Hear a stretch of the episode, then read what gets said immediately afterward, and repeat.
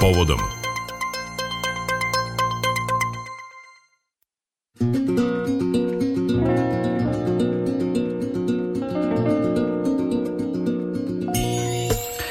Godina za nama na unutrašnjem planu bila je pre svega izborna, ali ozbiljno opterećena ratom u Ukrajini. Pamtićemo i sve učestalije tenzije na Kosovu, koje su periodično provocirale i izveckanje oružjem i sa jedne i sa druge strane. Protekle godine Srbija je bila aktivna i na diplomatskom planu, pamtićemo je ne samo po realizovanim, nego i po onim otkazanim bilateralnim posetama. Opširnije Boro Lazukić. Godina za nama na unutrašnjem planu bila je pre svega izborna, ali ozbiljno opterećena ratom u Ukrajini. U februaru mesecu dalo se naslutiti da geopolitika dobija sasvim novu dimenziju. Početkom meseca predsednik Srbije Aleksandar Vučić putuje za Kinu da bi četvrtog prisustvovao ceremoniji svečanog otvaranja zimskih olimpijskih igara u Pekingu, na kojoj su Srbiju predstavljala dva alpska skijaša Nevena Ignjatović i Marko Vukićević. Bila je to prilika da se Vučić sretne sa ruskim predsednikom Vladimirom Putinom i predsednikom Narodne republike Kine Xi Jinpingom, dok su zapadni lideri odlučili da bojkotuju ovaj događaj događaj. Samo 20 dana kasnije započeo je ratni sukob u Ukrajini, nakon čega ništa više nije bilo isto. Tim povodom 2. marta je usledilo obraćanje Vučića tokom kojeg je istakao da je Srbija jedina zemlja na teritoriji Evrope koja nije uvela sankcije Ruskoj federaciji, ali da zbog sobstvenih interesa podržava teritorijalni integritet Ukrajine u skladu sa međunarodnim pravom. Republika Srbija je uvek vodila odgovornu i principijalnu spoljnu politiku i skupo je platila svoju privrženost principima i pravilima međunarodnog prava, uključujući tu i načelo teritorijalnog integriteta jer je zbog nastojanja da sačuva svoj teritorijalni integritet na kraju 20. veka bila izložena ne samo restriktivnim verama, već i agresiji od strane 19 NATO država. Sredinom februara, tačnije 15. u mesecu, predsednik raspisuje vanredne parlamentarne izbore u Srbiji za 3. april. Prethodno je predsednik Skupštine Ivica Dačić raspisao lokalne izbore za isti datum, da bi 2. marta raspisao i objedinio predsedničke izbore sa već raspisanim parlamentarnim i lokalnim. Upravo sam potpisao ukaz o raspuštanju Narodne skupštine izabrane 21. juna 2020. godine. Na osnovu člana 109 stav 6 Ustava Republike Srbije, člana 20 stava 3 Zakona o predsedniku Republike i člana 59 Zakona o izboru narodnih poslanika donosim odluku o raspisivanju izbora za narodne poslanike. Ove godine je, je usaglašen taj rok za prijavu lista i kandidata za predsjednika Republike i lista za parlamentarne izbore. Tako da 12. marta uveče u ponoć ističe taj, taj rok za prijavu kandidata. U najkraću predizbornu kampanju nakon dužeg perioda bojkota ulazi i opozicija u Srbiji. Republička izborna komisija usvojila je na sednici održanoj 9. maja izveštaje o konačnim rezultatima predsedničkih izbora koji su održani 3. aprila. Prema konačnim rezultatima Aleksandar Vučić osvojio je 58,59%, odnosno 2.224.914 glasova.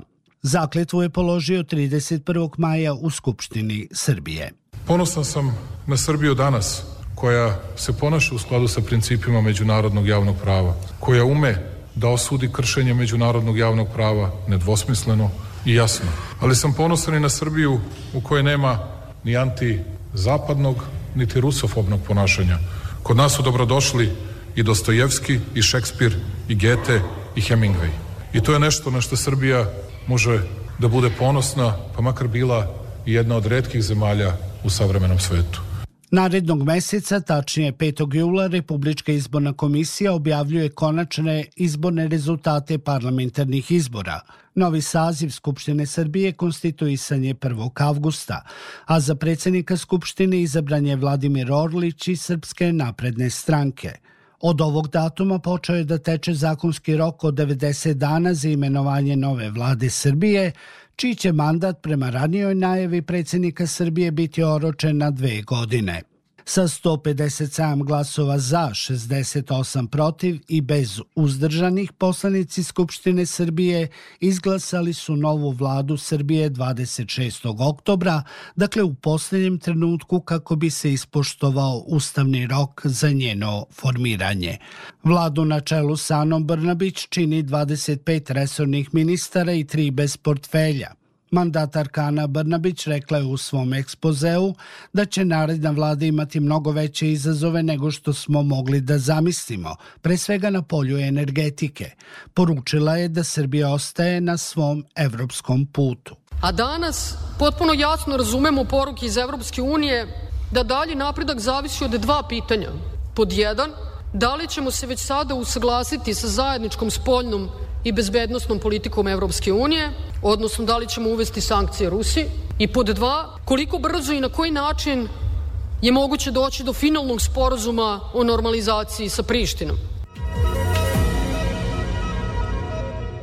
Prvih par meseci godine za nama skoro totalno su zamrzli sve diplomatske aktivnosti, ne samo u Srbiji nego i na globalnom nivou. Da stvar bude absurdnija, diplomatska pozicija Srbije poprilično je uzdrmana 6. juna otkazivanje posete ministra inostranih poslova Ruske federacije Sergeja Lavrova, jer su Severna Makedonija, Bugarska i Crna Gora zabranile prelet avionu. Samo četiri dana kasnije na Beogradski aerodrom bez ikakvih problema sleće avion nemačkog kancelara Olafa Šolca, koji je došao kao lider države čije fabrike u Srbiji zapošljavaju 77.000 ljudi. U razgovoru sa Vučićem od Srbije je zatraženo da se uskladi sa spoljnom politikom Evropske unije, a kada je reč o Kosovu, poručeno je. Nemački stav po pitanju Kosova je jasan i poznat već nekoliko godina, to se piše u papirima. Ono što je sada potrebno jeste da se svi posvete angažovano u tom procesu da dođe do pomaka. Nadam se da ćemo dobiti izveštaj o tom napretku. Mi smo danas čuli da se traži međusobno priznanje Mi nikada ranije nismo čuli ni od koga iz Evrope da se traži međusobno priznanje. Predsednik Turske Recep Tayyip Erdogan dolazi u dvodnevnu posetu Srbiji 7. septembra kako bi prisustvovao potpisivanju sedam bilateralnih sporazuma, među kojima i onom o ukidanju viza. Devet dana kasnije u Beograd stiže i mađarski premijer Viktor Orban, kako bi od predsjednika Srbije bio odlikovan ordenom Republike Srbije na Velikoj Ogrlici. Čast mi je što sam danas imao priliku da preuzmem od vas e, orden e, Republike Srbije i shvatam da odlikovanje nisam dobio zbog onog što sam do sada učinio, nego zbog toga što ću od sada činiti u interesu srpsko-mađarskog prijateljstva. Predsjednik Vučić sastao se 10. oktobra sa predsjednikom Ujedinjenih Arapskih Emirata, šejkom Muhamedom bin Zaedom El Nahjanom. U teškoj globalnoj krizi ova poseta je za Srbiju bila veoma značajna jer su Ujedinjeni Arapski Emirati sedmi na svetu po naftnim rezervama, odnosno posjeduju skoro 6 od 100 svetskih rezervi nafte. Iz Beograda Muhamed bin Zajed je otputovao u Moskvu na sastanak sa predsjednikom Ruske federacije Vladimirom Putinom. 1. novembra Beograd je bio domaćin sastanku Evropskog ogranka trilateralne komisije, često nazivane Svetska vlada u Senci. Trodnevni sastanak u Beogradu je za Srbiju inauguralni, pošto je naša zemlja postala član tek prošle godine i najmlađa je članica trilateralne komisije. Predsjednik Srbije Aleksandar Vučić, predsjednik vlade Mađarske Viktor Orban i kancelar Austrije Karl Nehammer potpisali su 16. novembra u Beogradu memorandum o razumevanju o jačanju saradnje na planu migracije i zaštite granica na drugom sastanku trilaterale – Austrijski kancelar rekao je da je sistem azila Evropske unije doživeo neuspeh. Došli smo do tačke gde pojedinačne države Evropske unije bivaju primorane da nalaze nove vidove partnerstava i saradnje van onoga što je moguće u Evropskoj uniji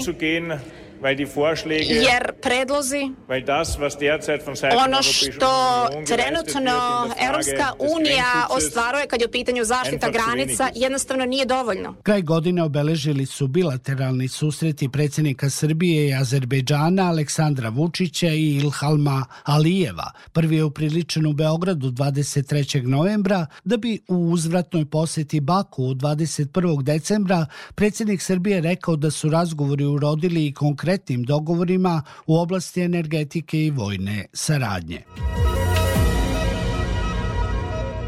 Godinu za nama karakterišu stalne napetosti na Kosovu i Metohiji koje su započele odlukom da se kosovskim Srbima ne dozvoli učešće na republičkim izborima 3. aprila. Zbog ove odluke prištinskih privremenih institucija 22. marta u Beogradu je održana sednica Saveta za nacionalnu bezbednost na kojoj je konstatovano kako se Srbima na Kosovu i Metohiji uskraćuju osnovna ljudska prava, ali je na njih apelovano da ne nasedaju provokacijama, ipak Beograd je ovog puta izbore realizovao bez biračkih mesta na Kosovu i Metohiji. Pitanje zahteva Kosova za članstvo u Savetu Evrope koje je došlo nakon što je kosovski premijer Albin Kurti najavio posle sastanka sa nemačkim kancelarom Olafom Šolcom, našao se na dnevnom redu Saveta za nacionalnu bezbednost održanog 13. maja. Poslata je jasna poruka da ovim gestom Priština brutalno krši Vašingtonski sporazum. Prema obaveštajnim podacima podršku privremenim prištinskim institucijama u sticanju novih priznanja pružaju najmanje dve velike države. Beograd uzvraća na diplomatskom planu, što je potvrdio i Nikola Selaković. Kao ministar spoljnih poslova danas sam predsjedniku Vučiću predao diplomatske note četiri države koje su povukle priznanje takozvanog Kosova, a Savet za nacionalnu bezbednost ovlastio je predsjednika Vučića da u trenutku kada to bude smatrao za potrebno i širu javnost obavesti o kojim državama je reč. Prištinski režim ugrozio je stabilnost, mir i opstanak srpskog naroda na Kosovu i Metohiji pretnjama da će nastaviti akciju u vezi sa preregistracijom vozila, potvrdio je predsjednik Vučić nakon sednice Saveta za nacionalnu bezbednost održane 27. oktobra. Napominje da Beograd sve vreme insistira na KS statusno neutralnim tablicama za koje Priština tvrdi da su ukinute. Ljudi su izmislili sve. Oni su izmislili legitimitet i legalitet nepostojeće odluke, nepostojećeg papira, nepostojećeg paragrafa i svega drugog.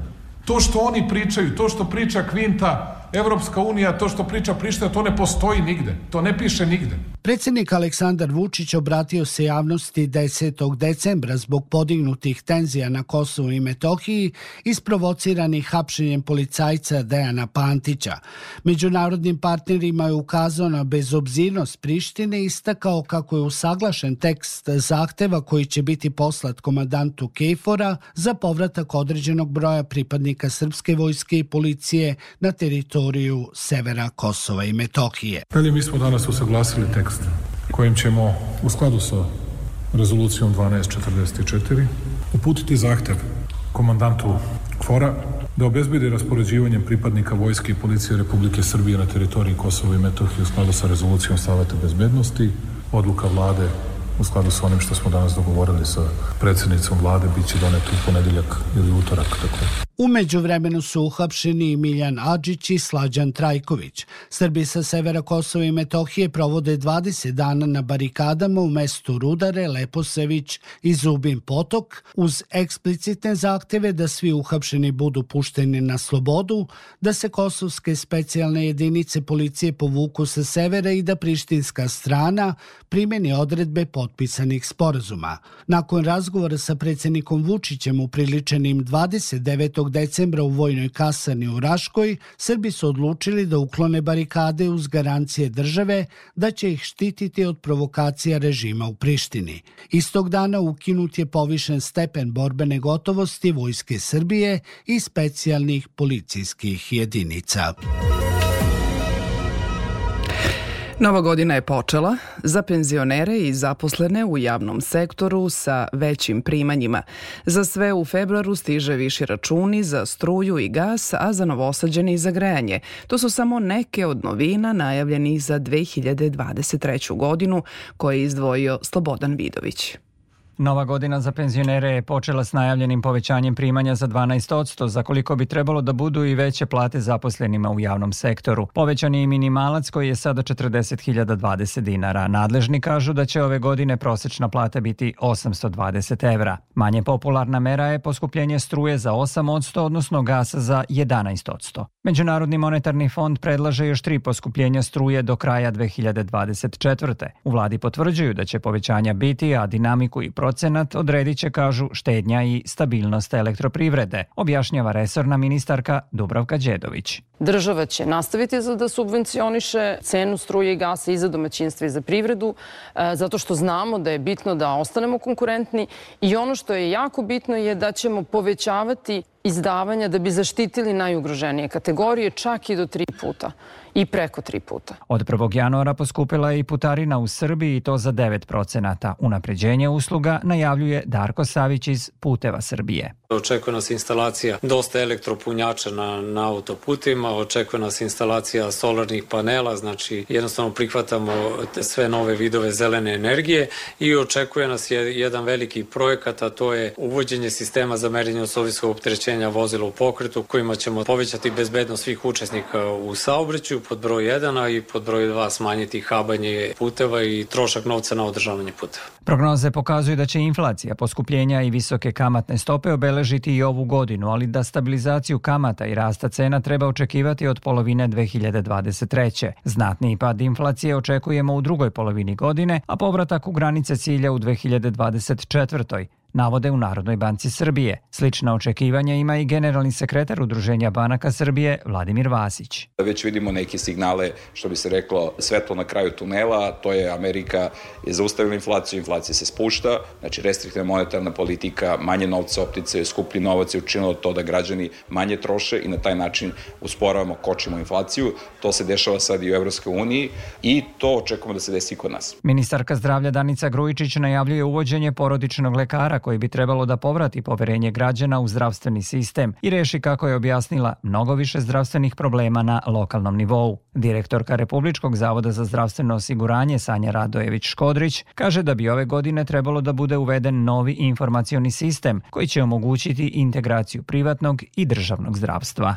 Samo izabrani lekar propisuje lek koji se o trošku države izdaje u apoteci ali ćemo putem elektronskog recepta koji se sada uvodi i kod privatnika onemogućiti dupliranje propisivanja terapije. Drugi efekt ovoga jeste velike uštede ne samo po pacijenta već i što se tiče države, zato što se izbegavaju pravljanje takozvanih veštačkih zaliha i nestašice lekova. Prvog dana nove godine u Novom Sadu počeo je da radi sistem za kontrolu parkiranja NS Patrol, sličan onom u Beogradu i Nišu, gde je poznatiji kao Oko Sokolovo. U početku će prekršioci na kućne adrese dobiti samo opomene. Predviđene kazne za nepropisno parkiranje su od 5000 do čak 150.000 dinara. Za one koji računaju koliko će ove godine praznovati vest, da će imati nešto manje neradnih prazničnih dana, jer nekoliko njih pada u subotu, pa se nekako i ne računaju za razliku od toga kada je praznik nedeljom koji se prenosi na ponedeljak. Tako će zbog dvodnevnog praznovanja nove godine i utorak biti neradni dan. Božić po julijanskom kalendaru pada u subotu, kada većina građana svakako i ne bi radila. U februaru ćemo imati dva neradna dana u sredu i četvrtak, 15. i 16. kada praznujemo Dan državnosti. Posle sretenja neradnih praznika neće biti sve do Vaskrsa, odnosno od 14. aprila Velikog petka, zaključno sa drugim danom Vaskrsa u ponedeljak 17. aprila. Za Međunarodni praznik rada imaćemo produženi vikend, jer 1. i 2. maj padaju u ponedeljak i utorak, koji su neradni dani. Sledeća prilika za praznični neradni dan je tek 11. novembar, kada slavimo Dan primirja u Prvom svetskom ratu, ali on pada u subotu. Pravo na slobodan dan prema zakonu imaju svi građani koji slave porodičnu slavu kao i pripadnici ostalih verskih zajednica na svoje velike praznike. Bilo kako bilo, svima srećna nova godina u kojoj će, nadajmo se, biti više razloga za slavlje. Povodom